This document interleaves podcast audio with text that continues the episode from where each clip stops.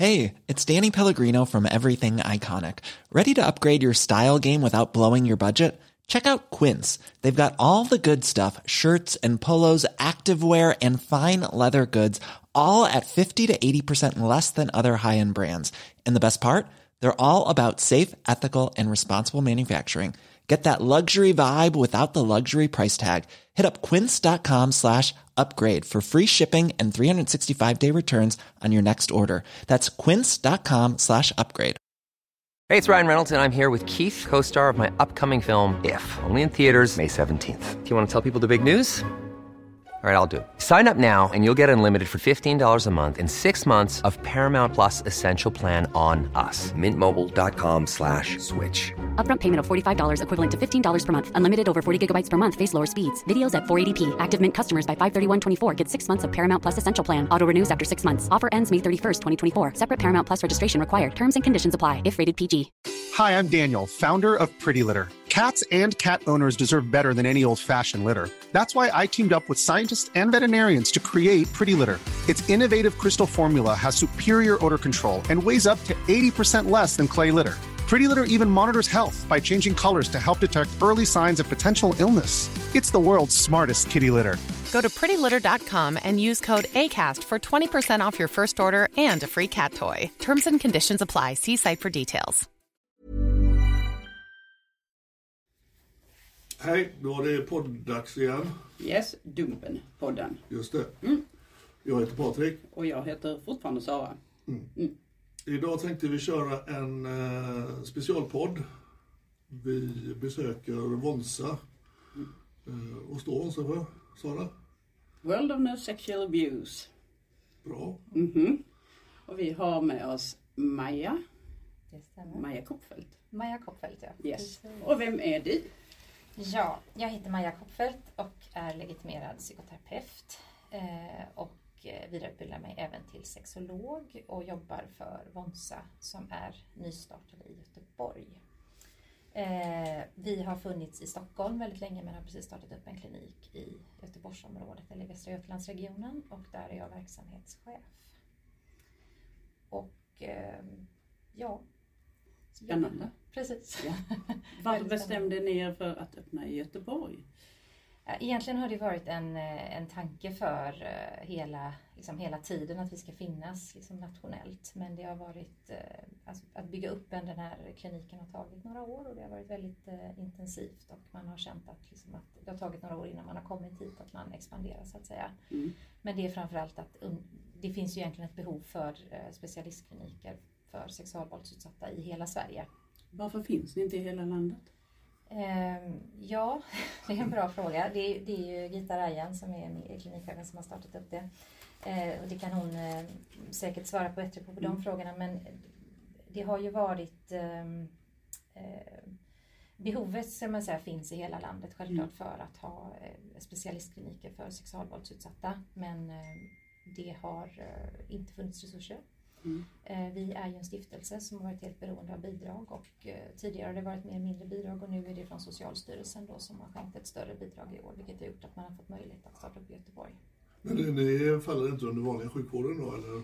Eh, jo, vi är en klinik så att säga men vi har inget, vi har avtal uppe i Stockholm med, eh, med regionen där men Mm. inte i resten av, vi håller på att försöka skapa olika vårdkontakter här i och eh, avtal i Västra Götalandsregionen också.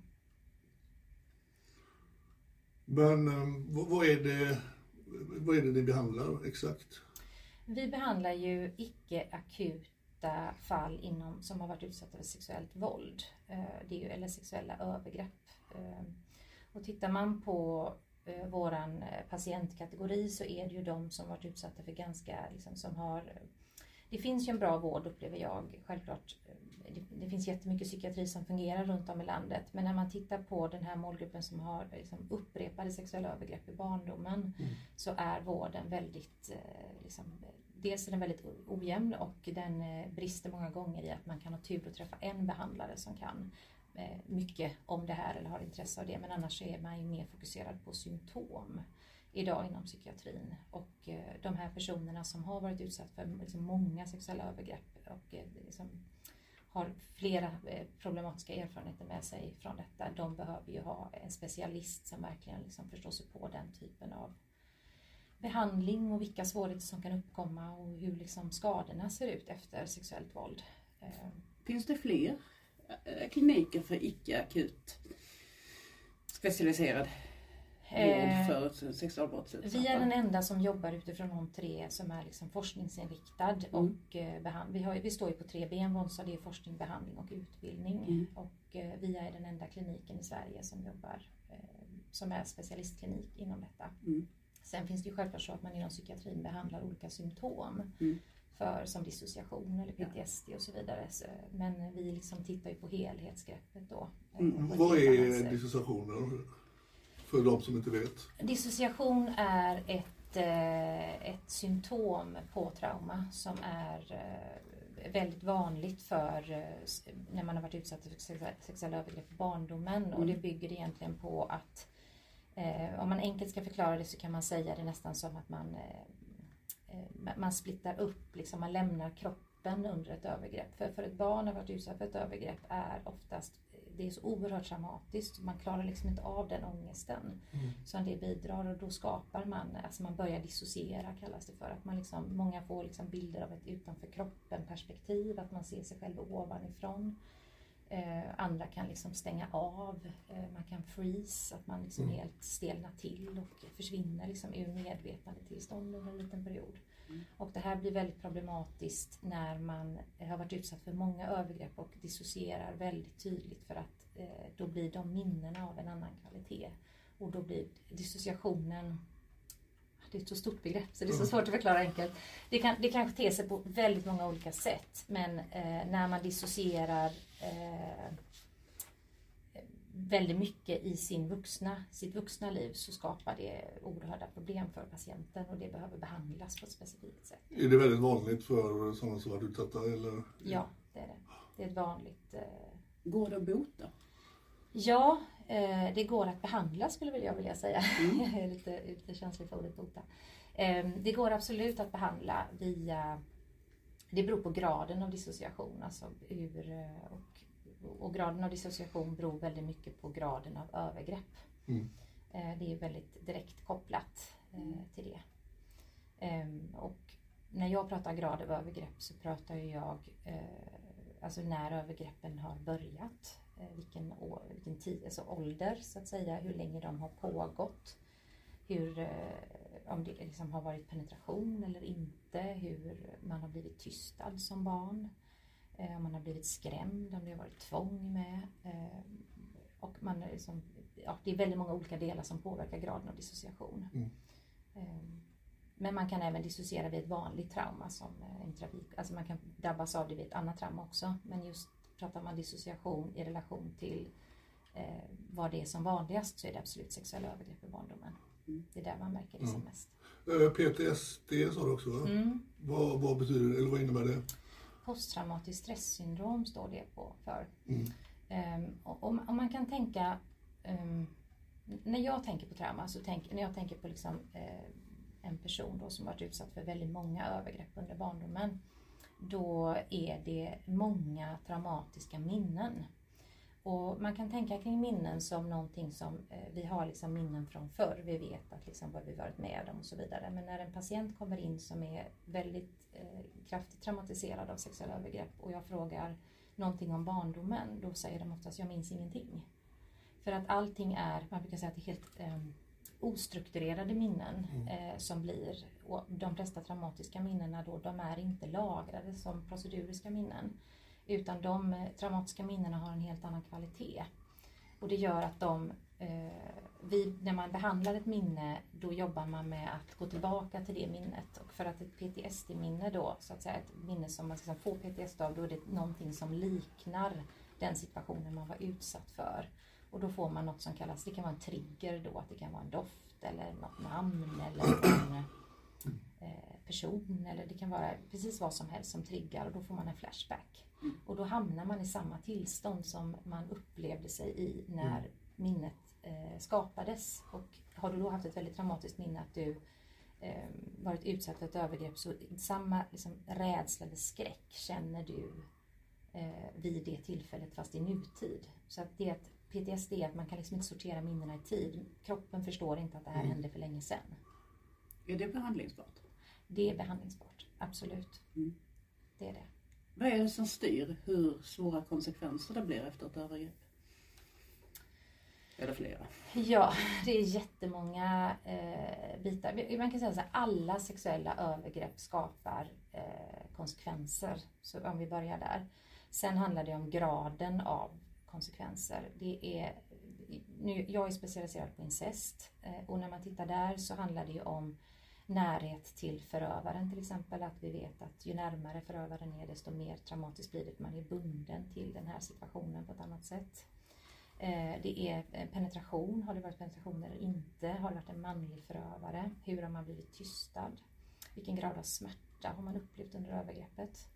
Eh, hur länge har de pågått? När har de börjat? Har man upplevt en egen ofrivillig sexuell respons vid övergreppet? Det är också kopplat till väldigt mycket skam, vilket många gör som är helt naturligt. Ehm, en, en ofrivillig, alltså kroppen reagerar. Ehm,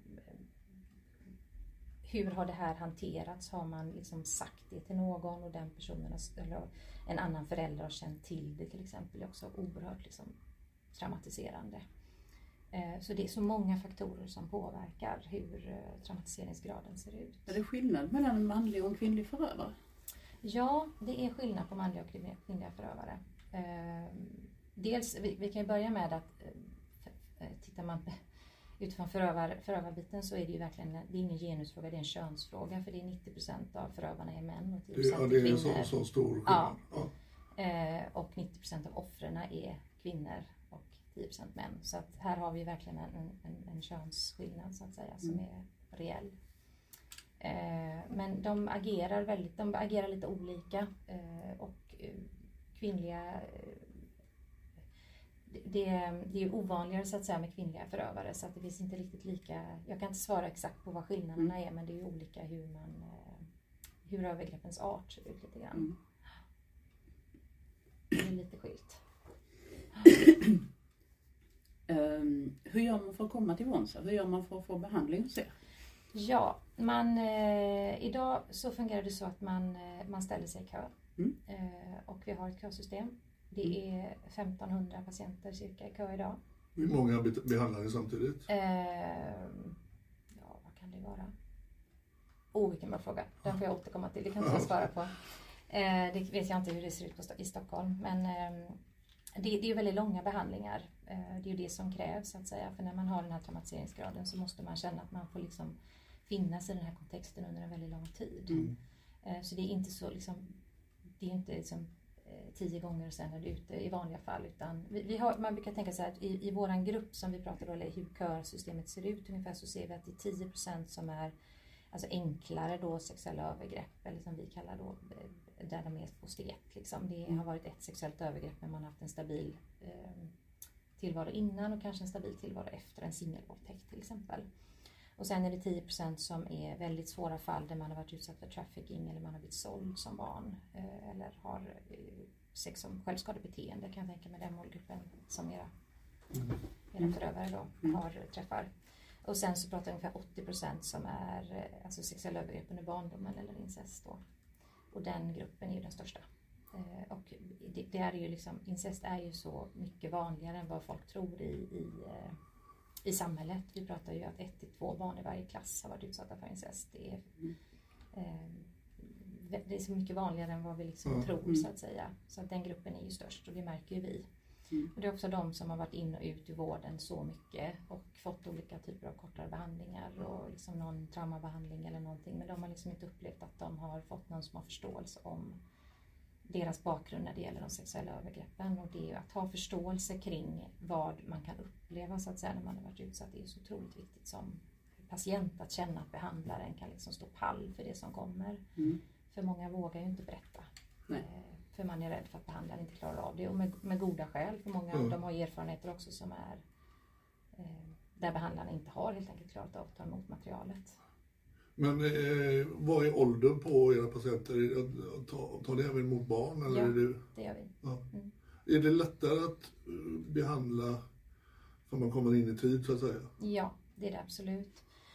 Eh, här är det ju så otroligt, där har ju eh, eh, den enorma vikten av att komma in i tid så att man får en, en traumabehandling för att en, en singelvåldtäkt så att säga i 16-årsåldern kan ju leda till att man börjar sälja sex eller att man hamnar i ett väldigt destruktivt beteende eller en destruktiv relation eller för att det är, skadan liksom finns där men man, man behöver läka den ganska fort. Och där vet ju vi att ju tidigare du kan få eh, alltså en behandling efter en våldtäkt, eh, en, en vanlig som, mm. singelvåldtäkt så att säga, desto bättre är det, eller större chans är det att man blir helt då, eh, ska man säga, behandlad och kan gå vidare utan eh, någon form av eh, skada. Men får man vänta då i 20-30 år att ta tag i det? Går det fortfarande eller blir det fortfarande bra resultat? Ja, det vi ser när man har väntat väldigt länge, eh, är ju jag, jag som tittar då liksom just när det gäller utifrån incest, vi ser att man har väntat väldigt länge så har ju skadorna blivit liksom att man kan nästan se ibland när man intervjuar en ny patient att det kommer en ny våldtäkt per år. Mm. För de, liksom man har hamnat i situationer som har blivit eh, problematiska för man, man har inte lärt sig hur man ska skydda sig i olika situationer eller hur eh, det, där finns också massa olika, det finns liksom inget enkelt svar på den frågan varför man hamnar i de situationerna. Men man behöver hjälp liksom eh, och man behöver få behandling så snart som möjligt efter övergreppen har, alltså helst direkt efteråt när man har lämnat för sin förövare eller hamnat utanför den situationen. Hur lång tid kan det ta innan man kommer i fråga för en behandling? Alltså den här kön är ju lång. Hur lång är den? Ja, det, det är jättesvårt för oss att säga då utifrån hur lång tid det tar. I, Men idag så tänker jag cirka, eh, alltså, eh, vi pratar ju fyra år kanske ungefär som är, det är ju utifrån hur många behandlingarna blir innan, hur många, det är våra resurser också. Vi är ju helt beroende av resurser. Eh, Vi har ju varit beroende av gåvor tidigare och månadsbidrag och så vidare. Utan vi behöver ju verkligen få en stabil finansiering för den här verksamheten. Så pengar är ju A och O. Att man ser Så hade ni haft resurser så hade ni ju kunnat finnas. så hade vi kunnat Överallt. finnas, ja, Ja. precis. Och vi har ju byggt på oss, liksom, vi har ju verkligen samlat och blivit en specialistenhet liksom, i Sverige Mm. för, eh, inom forskning och nytänkande när det gäller behandling. Men det, det känns ju väldigt skevt. Om man är med i en bilolycka, då väntar man ju inte fyra år att eh, ta tag i de här skadorna som uppstår. Nej. Nej men, jag vet att eh, jag lyssnade precis på en podd där med Gita där hon tar upp det här med, benbrott. Liksom, att om man skulle, liksom, skulle man acceptera om man drabbades av ett benbrott att man inte får behandling av en adekvat personal. Mm. Och det hade man ju inte. Utan idag kan det ju vara så att du varit eh, liksom, sexuellt traumatiserad i barndomen och så kommer du in och ska få en behandlare och så beskriver du att du är traumatiserad och så får du en manlig behandlare. Alltså man har ingen känsla för Mm, mm. hur det här fungerar och det är så mycket man behöver hålla koll på för att de ska känna sig trygga och väl omhändertagna och mötta och att våga liksom, att tryggheten där blir ju som skild på något sätt kontra hur, hur ser en behandling, en behandlingsplan ut? Om du får in en, låt säga en 16-åring som har blivit våldtagen. Mm. Vad, vad är det första man gör? Eh, det, vi, det första man gör hos oss är ett läkarbesök hos eh, en, och att man träffar eh, en läkare och får en bedömning så att vi ser vad, hur vi screenar patienten som vi kallar det då. Vi tittar på traumatiseringsgrad och hur liksom den här eh, patienten kan tänkas, vad den kan tänkas få, ha för vårdbehov så att säga. Och sen så eh, sätter man in då en ansvarig behandlare. Och det är eh, en psykolog, eller en legitimerad psykoterapeut. Eh, Och därefter så påbörjar man en behandling och vi jobbar då utifrån Lifespan Integration som är en, eh, en traumabehandling som vi använder oss av. Men också att vi har neurofeedback och fysioterapi och så allting, allting som behövs runt omkring. Att man jobbar både med kroppen och själen. Och Vad är Mm. lifespan? Lifespan är en traumametod som är utvecklad i USA och den bygger på att man integrerar, eh, alltså många, den är väldigt bra när man ska integrera många traumatiska minnen. Det börjar med att patienten gör en tidslinje där man helt enkelt eh, skriver ner ett minne i sitt liv per år. Eh, och sen så jobbar man utifrån en liksom, strukturerad metod där att gå igenom och man, eh, man man lär liksom patienten, det är en, neuro, eh, eh, en, en neurologisk metod, det är en psyko, fast man använder den psykologiskt. Och den skapar eh, att patienten kan via liksom, tillsammans med terapeuten då så läser man upp minnen och man då går tillbaka till olika minnen och behandlar. Eh, och den är väldigt bra när man har flera traumatiska minnen för att en, eh, tar man en EMDR så behandlar det ett, ett traumatiskt minne så att säga. Vi kan behandla väldigt många traumatiska minnen eh, av liknande karaktär då i, i samma behandlingsform. Så den är liksom eh, oerhört bra och utvecklad då just för eh, i Sverige använder den då på, på Vonsa och den är väldigt bra när det gäller sexuell traumatisering. Är det bara legitimerade terapeuter som kan göra det, den här behandlingsformen? som kan Nej, utföra det den här är det, behandlingen? nej, det är det inte idag utan det är även eh, många av de som utför också kan vara stegettare till exempel, ha en stegettutbildning men eh, man ska ju ha en, en erfarenhet av trauma liksom, eller av behandling så att säga för att det är en kraftfull metod. Mm. Eh, Men om det är ett väldigt ungt barn, eller låt säga en 5-6-åring. Mm. Hur, hur jobbar man med eh, en som kanske inte riktigt har koll på antal gånger, eh, hur det har skett och Mm. hur, hur når man ett sånt, ett sånt barn, en sån patient? Det är väldigt individuellt. Nu jobbar inte vi med så unga eh, riktigt utan det är, det är lite äldre där man ändå liksom har ett tänkande själv så att säga. Eh, men eh, det är ju väldigt mycket utifrån vad det barnet kommer med för erfarenhet. Det är svårt att säga liksom att eh, det blir den här Mm. Eh, Jag är psykonomiker i grunden så jag skulle liksom ha ett psykonomiskt angreppssätt på det. Eh, Men att det finns även eh, vikt att barnet får förstå vad det är liksom på något sätt att det som har hänt mig är fel. Det är väl det absolut viktigaste om det så att säga finns en trygg kontext för det bygger ju på det. Mm. Eh, Och det kan man ju tänka med ett barn som varit utsatt på en förskola eller något annat som har en trygg kontext hemma. Då kan det ju bli enklare att behandla än om det är ett, ett mer ett ostrukturerat liksom, sammanhang i hemmamiljön. Men då, eh, så, så unga barn är inte vanligt att man liksom så gör en traumabehandling på. Det är det. Vad, vad är eh, åldersgränsen för? Eh, Vi har, jag vet att vi har behandlat barn som är unga via Vonsa. Jag har själv inte gjort det men jag tänker att det är bra att ha tänkande själv liksom, på något sätt om sig själv. Det är ju liksom, barnet förstår ju inte vad det har varit med om. Det förstår bara att någonting är obehagligt. Barnet kan ju ha helt andra förnimmelser. Eh, Min upplevelse är att när man har väldigt tidiga minnen så är de mer kopplade till smärta. Det gör ju väldigt ont att bli förgripen på sexuellt som barn. Eh, Och det är liksom smärtominnen, eh, obehagsminnen, eh, skräckminnen. Det, det, är som det är mer en annan kvalitet. Men eh, ju äldre man blir desto mer kopplar man ju på att man förstår att det är något sexuellt som har skett och då blir det mer skam och skuld som behandlas. Så att hur minnets kvalitet är, är ju viktigt och var barnet befinner sig i ålder. Så det finns liksom ingen...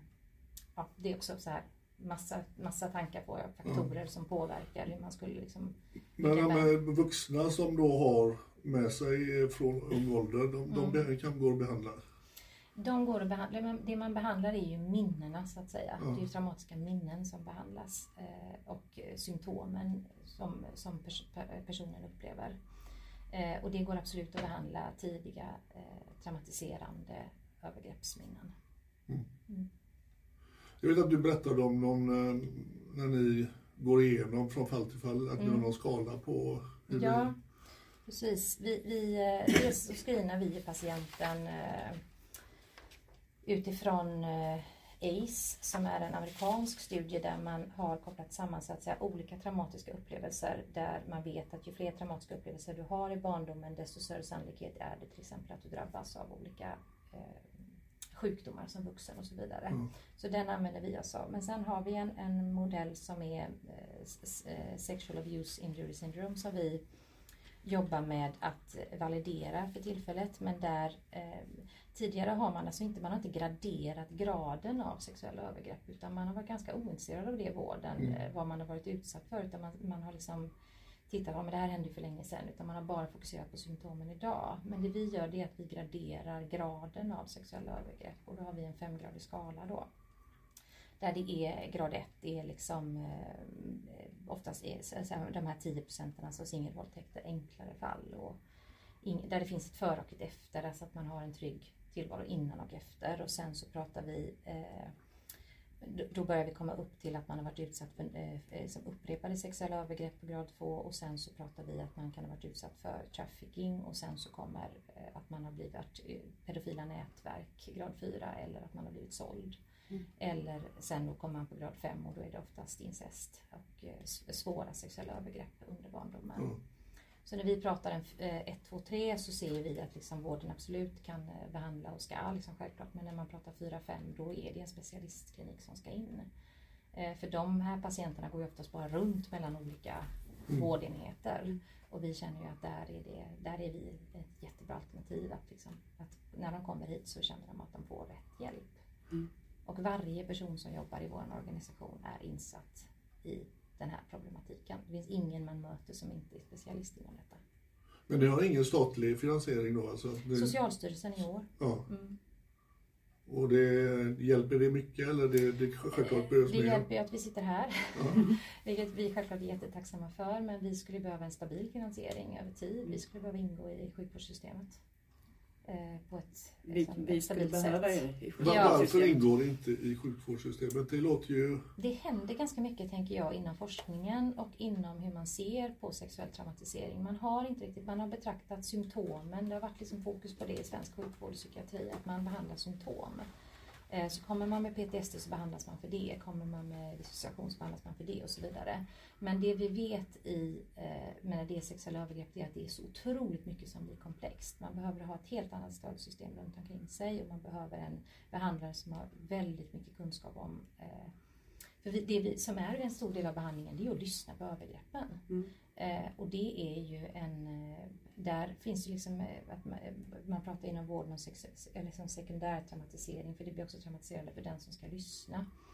Eh, Det är också en stor del till varför vi byggt upp den här skalan. Det är för att vi ska bara kunna säga men det här är en 4-5. Så sitter vi, slipper vi på våra behandlingskonferenser slippa att dra alla. För det blir liksom återtraumatiserande för den som jobbar med det. Så det är ju självklart så att eh, traumatiseringsgrad är ju för mig kan jag, jag kan inte förstå hur vi inte har sett traumatiseringsgraden liksom som viktig när det gäller alltså utifrån eh, hur sexuellt traumatiserad du är. För det är skillnad på att vara utsatt för en våldtäkt och hundra våldtäkter. Vi kan inte, det, kan, det kan omrimligt vara så att vi får samma behandling. Men så är det idag. Liksom, att det, det finns en våldtäktsmottagning och dit går du när du blir våldtagen. Men sen finns det liksom ingen, liksom, eftervårdsbehandlingen är, då ska du söka utifrån symptom. Så att det här är ju liksom ett, det här, vi, Vonsa liksom, och den här specialistkliniken behövs verkligen.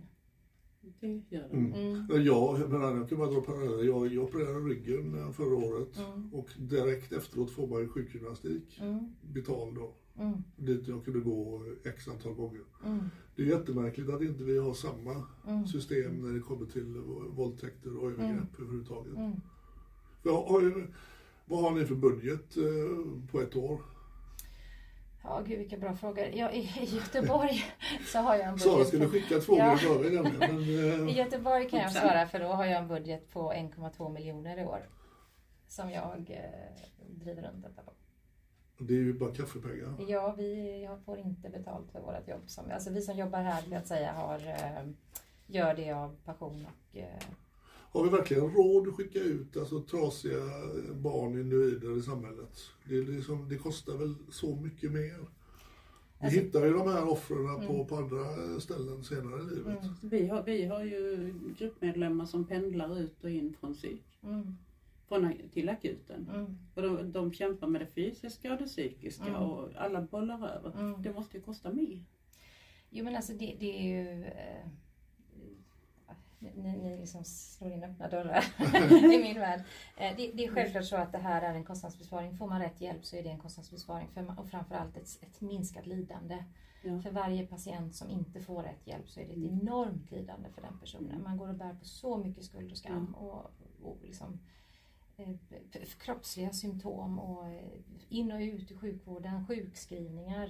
eh, Liksom, vi vet ju, vi vet liksom forskningsmässigt, vi behöver inte prata om att den här gruppen har en högre sjuklighet än andra. Eh, och sen samtidigt så kan man inte heller, men det, problemet är att man kan inte prata om det här som en, en målgrupp heller för det är så spritt i samhället och många har ju andra liksom, eh, diagnoser och så vidare. Och, men det, de som vill så att säga få hjälp för det här borde ju verkligen få eh, att man borde få en behandlare som vet vad, som har också valt det här så att säga som, en, eh, som en inriktning. Ja, för vi, vi träffar ju de här männen som söker barn i sexuellt syfte och Mm. många av dem hör av sig direkt till oss och då har de redan eh, kommit i- in i psykvården. Mm. De har skrivit in sig på olika kliniker Mm. och även då få hjälp för en eh, sexualitet som de då Mm. helt plötsligt inte känner att det är deras. Vilket i och för sig är tur att de inte behöver vänta i fyra år. Ja, i och för sig, men, Men men att offren, att man blir helt ifrånkörd, Mm. det, det känns ju för jävligt. ja, Och där kan man tänka hur sjukvårdssystemet är uppbyggt. För det, det beror ju på att det är en diagnos man utreds för då så att säga inom pedofili. Så att säga, det är parafili då. Eh, och här är det ju att man, man kan ju få liksom hjälp för eh, liksom ångest. Men ångest är ju en del av det här stora. Så att säga. Så att problemet är att du får hjälp för enstaka symptom men du får inget helhets... Eh, liksom, tänker runt det. Tror ni att SIS kommer att bli en diagnos, Sexual Abuse Injury Syndrome? Att det kommer att bli en riktig diagnos? Mm, nej, nej, jag tänker att det är ett, eh, ett utvärderingsmaterial så att säga. Jag tror inte att man kan... Jag tänker inte på det på det sättet Nej. utan jag tänker att det är ett bra screeningmaterial som man kan använda sig av. Och att vi behöver i alla liksom, mm, inom alla vårdinstanser behöver vi fråga om våld i nära relationer och en utsatthet, sexuell utsatthet så att säga, var var man befinner sig för att kunna ge rätt hjälp. Men då måste behandlaren som sitter på andra sidan våga fråga det. Och man måste också våga ta emot det svaret. Och man måste framförallt veta när man har fått svaret vart man ska skicka patienten. Så idag tror jag det är en problematik att man vet inte vad man ska göra med liksom, information om att någon har varit utsatt. Så att det blir eh, heller att man inte frågar för att det är svårt. Alltså det finns ingenstans att remittera. Mhm. Mm. Den där frågan som alla ställer och som ingen har svar på. Blir man förövare av att ha varit utsatt? Ökade risken där? Precis, vi, vi pratade om det sist när vi träffades. Eh, om, om vi då tar... tänkte bara det kunde vara bra Ja, för alla nej, att men- höra det här. Ja, Åh gud, nej, men det här är en sån, eh, en sån bra, bra fråga att du tar upp. Eh, man, det, det finns absolut inga enkla svar på någonting eh, av de här bitarna. Men man kan titta bara, om vi tittar på den här könsfrågan igen då. Om vi tänker att 90% av alla utsatta är kvinnor och 10% av förövarna är eller 90% av alla utsatta så att säga är kvinnor och 90% av alla förövare är män. Så stämmer ju inte det. Då skulle det ju varit liksom kvinnor som var förövare. Och så är det ju inte. Nej. Eh, och det, det, det man ser idag det är att det är självklart att det finns förövare som har varit utsatta. Det, det är liksom, men det finns också, liksom, det, det är ingen korrelation. Det är ganska många som har varit utsatta. Så att Ja, det är väldigt många som har varit utsatta i vårt samhälle. Men snarare att det finns studier som är gjorda på till exempel män som har överlevt incest. Där visar på att de har snarare en, liksom en, ökad rädsla i sitt föräldraskap. En ökad ångest i sitt föräldraskap i relation till att de vågar inte duscha med barnet. De vågar liksom aldrig röra, nästan vågar inte kramas. Och när de tröstar barnet kan de känna obehag för de är så otroligt rädda. Eh, Så snarare att det finns studier som visar på det. Där känner jag igen mig själv väldigt, väldigt starkt. Mm. Och det, vi får ju ofta det påståendet att eh, vi ska tänka på att har ju själv varit utsatta. Att det ska vara någon både ursäkt och förklaring. Och det, det säger sig själv att det Ja, ja, i mitt fall så hade vi då en förövare eh, som förgrep sig på ungefär 200 killar. Min förövare då. I friidrottsmiljö i Göteborg. Det skulle innebära att de 200 killarna i sin tur skulle då förgripa sig. Och då, eh, det började väl för 35-40 år sedan. Vi hade ju haft hela Göteborg full med pedofiler i så fall, som är friidrottsmiljö då. Det, det säger sig själv att det, det funkar ju inte så. Nej. Jag tror att det är en gammal, en gammal liksom, eh, myt och det är eh, tyvärr gamla teorier, psykologiska teorier som ligger bakom att skapa detta. Men jag tror bara att vi får bara sluta prata om det på det sättet. För Ja. det de, de som är absolut mest förgripna på det är kvinnor och kvinnor är minst förövare. Ja. Så att det är liksom ingen... eh, Ja, den liknelsen har jag aldrig hört förut och den är ju klockren. Mm. För den, då ser man ju verkligen att det, det stämmer ju inte. Nej. Så då, Men då, då kommer ju då de här försvararna säga, ja men den här 10 procenten eh, män, de, Ja. de är, blir ju förövare då. ja, hade det ökat så hade alla varit förövare. Ja, nej, men jag, jag tror inte man kan säga så. Utan det är ju liksom, eh, det är ju traumatiska erfarenheter sen.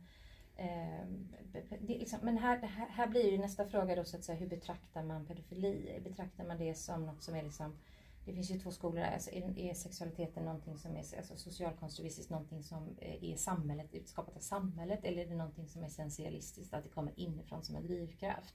Jag tror ju att sexualiteten på något sätt har en inneboende, alltså att det är den vi är, att man kan inte...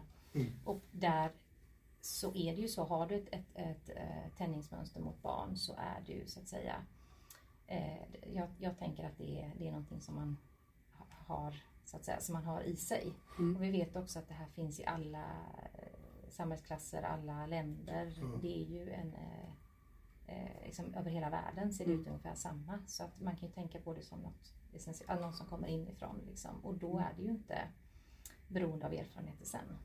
Då kommer den självklara frågan då. Går det att bota en pedofil? Eh, nu jobbar inte jag med förövarpsykologi så det vill jag nog eh, liksom säga först. Det finns det många som gör det, eller förövarbiten som, som gör det väldigt mycket bättre. Eh, jag vet ju att ni har träffat Preventell och Kristoffer då, som gör liksom, Mm. spännande studier på Karolinska. Eh, där man tittar mer utifrån ett biologiskt perspektiv och man tittar utifrån ett, eh, alltså ett medicinskt perspektiv, att dämpa sexualiteten. Eh, som eh, sexolog så kan jag känna nej, det går inte att bota en Nej. sexualitet. Så kan jag tänka. Eh, och den största problematiken man har i vården, eller så säga i fängelsevården då när man ska ge behandling till den här målgruppen då, eller till de här som var utsatt. Eh, det är ju ett behandlingsform. Eh, behandling är någonting man får för att man upplever att någonting inneboende i en är fel, alltså som man Mm. vill ha hjälp med och vill förändra. Eh, och tittar vi bland sexualförövare så är det ju att alla känner ett offer men ingen känner en förövare, brukar man ju säga. Och det beror ju på att det, det är ingenting man erkänner och där är de oftast förnekade då som man kallar det för. Och jag vet att jag läste en, en forskningsstudie där man skulle liksom få ihop en, eh, en eh, grupp som skulle göra gruppterapi och man hade hittat en jättebra amerikansk metod och så, så ville man ha liksom, få ihop då man ville blanda pedofiler och våldtäktsmän då för att pedofiler är oftast mer tysta inåtvända och våldtäktsmännen hade liksom en mer, eh, de hade en högre status i fängelset också så man ville liksom göra en mix och då ville man max ha eh, 20% som var förnekare av att de har begått brott. Och det gick ju inte ihop en sån grupp. Nej. De var ju liksom 90% förnekade i den här liksom, eh, konstellationen. Det är ingen som går och säger att jo men jag är våldtäktsman, intervjua mig. Ja. Eh, och, eller jag är, har den här. Mm. Det är väldigt ovanligt. Så de som söker sig till hans studier tycker jag är väldigt modiga. Som faktiskt erkänner. Men sen så, det absolut viktigaste, och det skulle jag sagt från början. Vi måste skilja på eh, en pedofil och en förövare. Mm. Vi måste Mm. göra det. För att det, går, alltså det att ha en sexuell dragningskraft mot barn och sen Mm. att agera ut på det är två olika saker. Mm. Och det finns mycket fler pedofiler än vad det finns förövare. Mm. Så Fin- den är ju jätteviktig. Finns det ofarliga pedofiler? I, eh, def- då får man definiera farlig, eh, så att säga, utifrån det ordet. Det finns eh, pedofiler som inte är förövare. Mm. Så skulle jag vilja uttrycka Är det inte mer att de väntar på rätt tillfälle? Tillfället gör tjuven. Du- Det är bara så här att jag skulle aldrig Ja. göra någonting. Jag menar nu är det ju förbjudet att ha, t- se, titta på barnpornografi Ja. till och med. Så redan där är det ju ett fel. Men många då, eller de här som är skyddar då pedofiler säger att alla förgriper sig inte på barn. Mm, Men det är ju ingen som vill garantera att de inte kommer göra det någon gång i framtiden. det går inte. Nej. Nej. Och nej, det, det tänker jag, jag tänker att ditt tändningsmönster på något sätt, eh, det är ju som eh, att de har ett tändningsmönster mot barn. Ja. Och det, det är liksom där är det att det är det som är en, liksom den sexuella preferensen.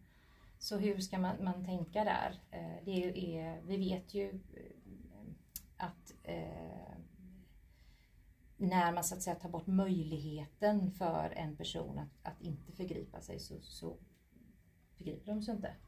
Så är det ju också. Mm, precis. Men det, är- det, det är en jättesvår fråga.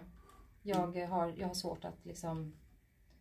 Eh, du, jobbar, Ja. du jobbar ju med offren. ja, så att, det det, är så- det är bara intressant att höra. Ja, precis. Vi brukar fråga det till de flesta vi träffar. ja, För det ju, finns ju en uppfattning att det finns, eh, det finns ju siffror till och med, att det finns eh, 30% ofarliga ped- pedofiler utav, i den här gruppen.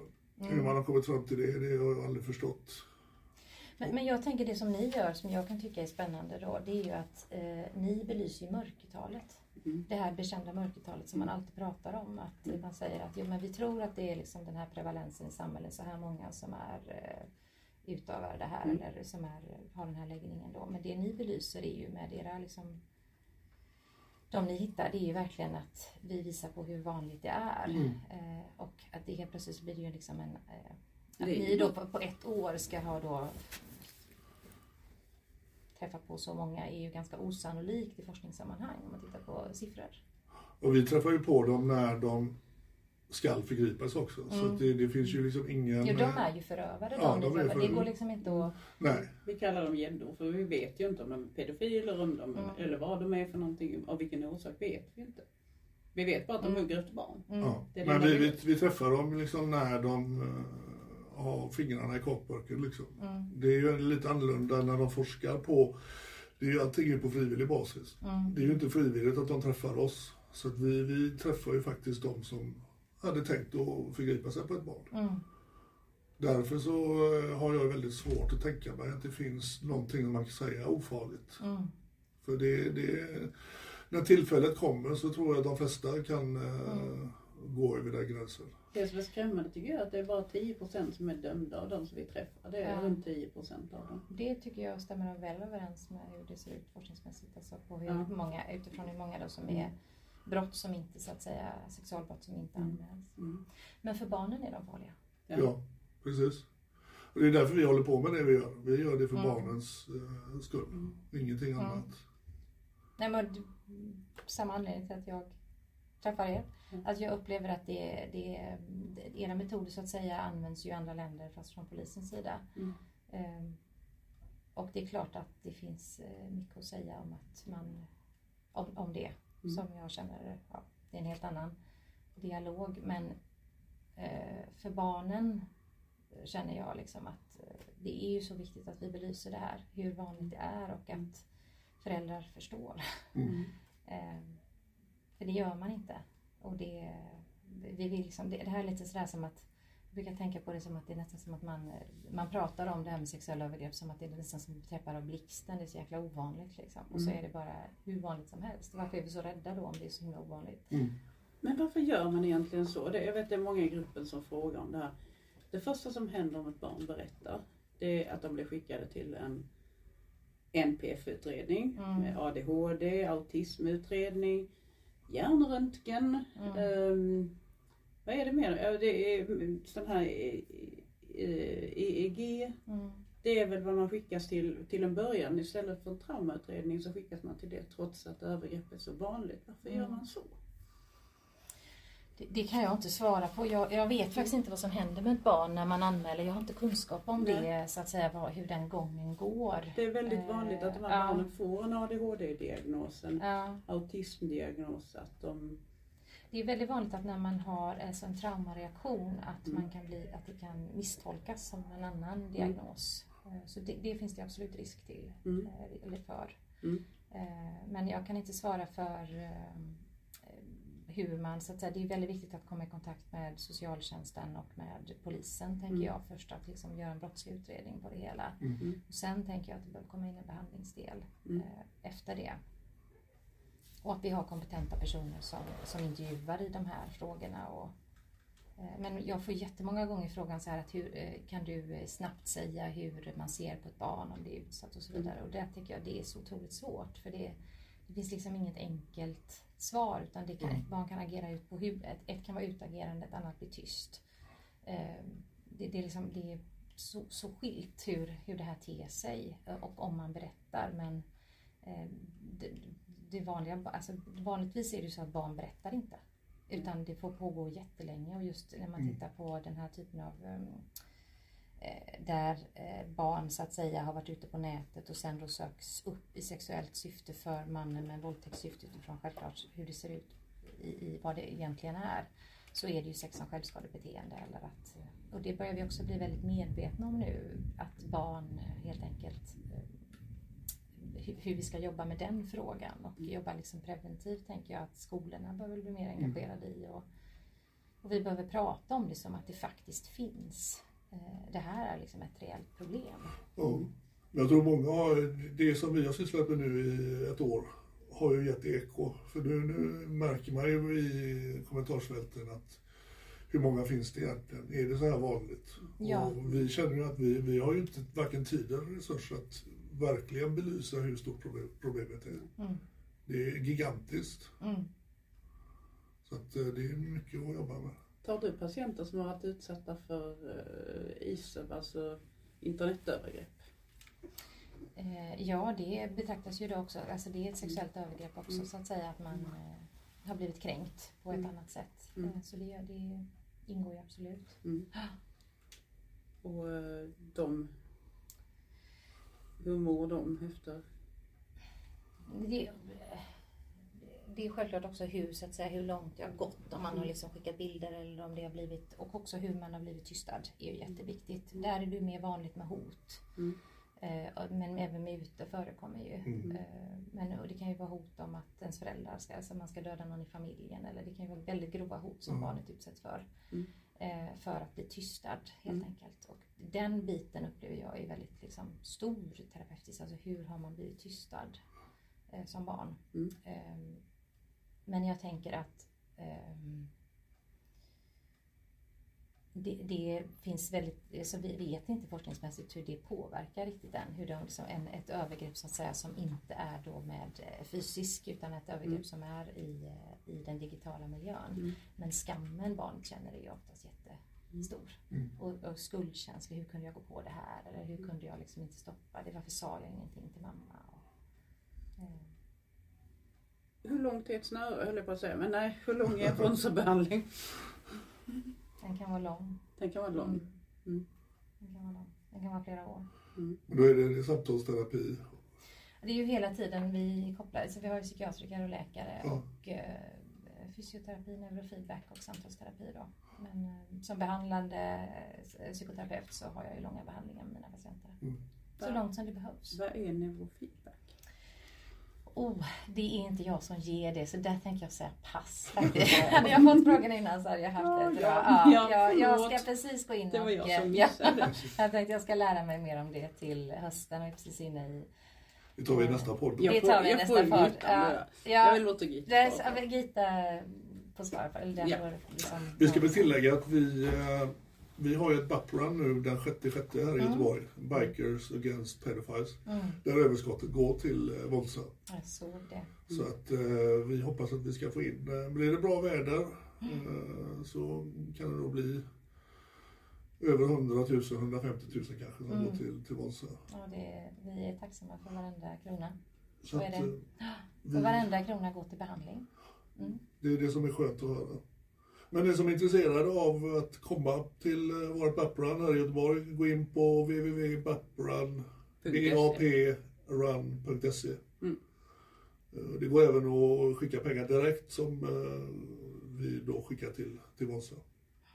Och det går också att skicka pengar direkt till Vonsa. Ja, skulle jag säga. Bli månadsgivare eller Mm. sponsor eller gå in och skänka ett bidrag. Mm. Eh, som sagt, det, alla pengar går till behandling och vi är tacksamma för varje krona. Det som skulle vara självklart, det är ju inte självklart. Det är ju att, Nej, att det finns behandling för det här. Mm. precis. Vi hoppas på mycket som händer i framtiden. Mm, politiskt. Ja, det måste det. Mm. Ja, Ja. vad säger vi? Tack så jättemycket. Jätteinformativt. Förlåt Ja. att jag glömde fråga. Nej, det är ju mer spännande för jag gör det på, på volley så att säga. Ja, Ja, då Ja. är vi klara för idag. Yes. Tack så mycket. tack. Hej då då.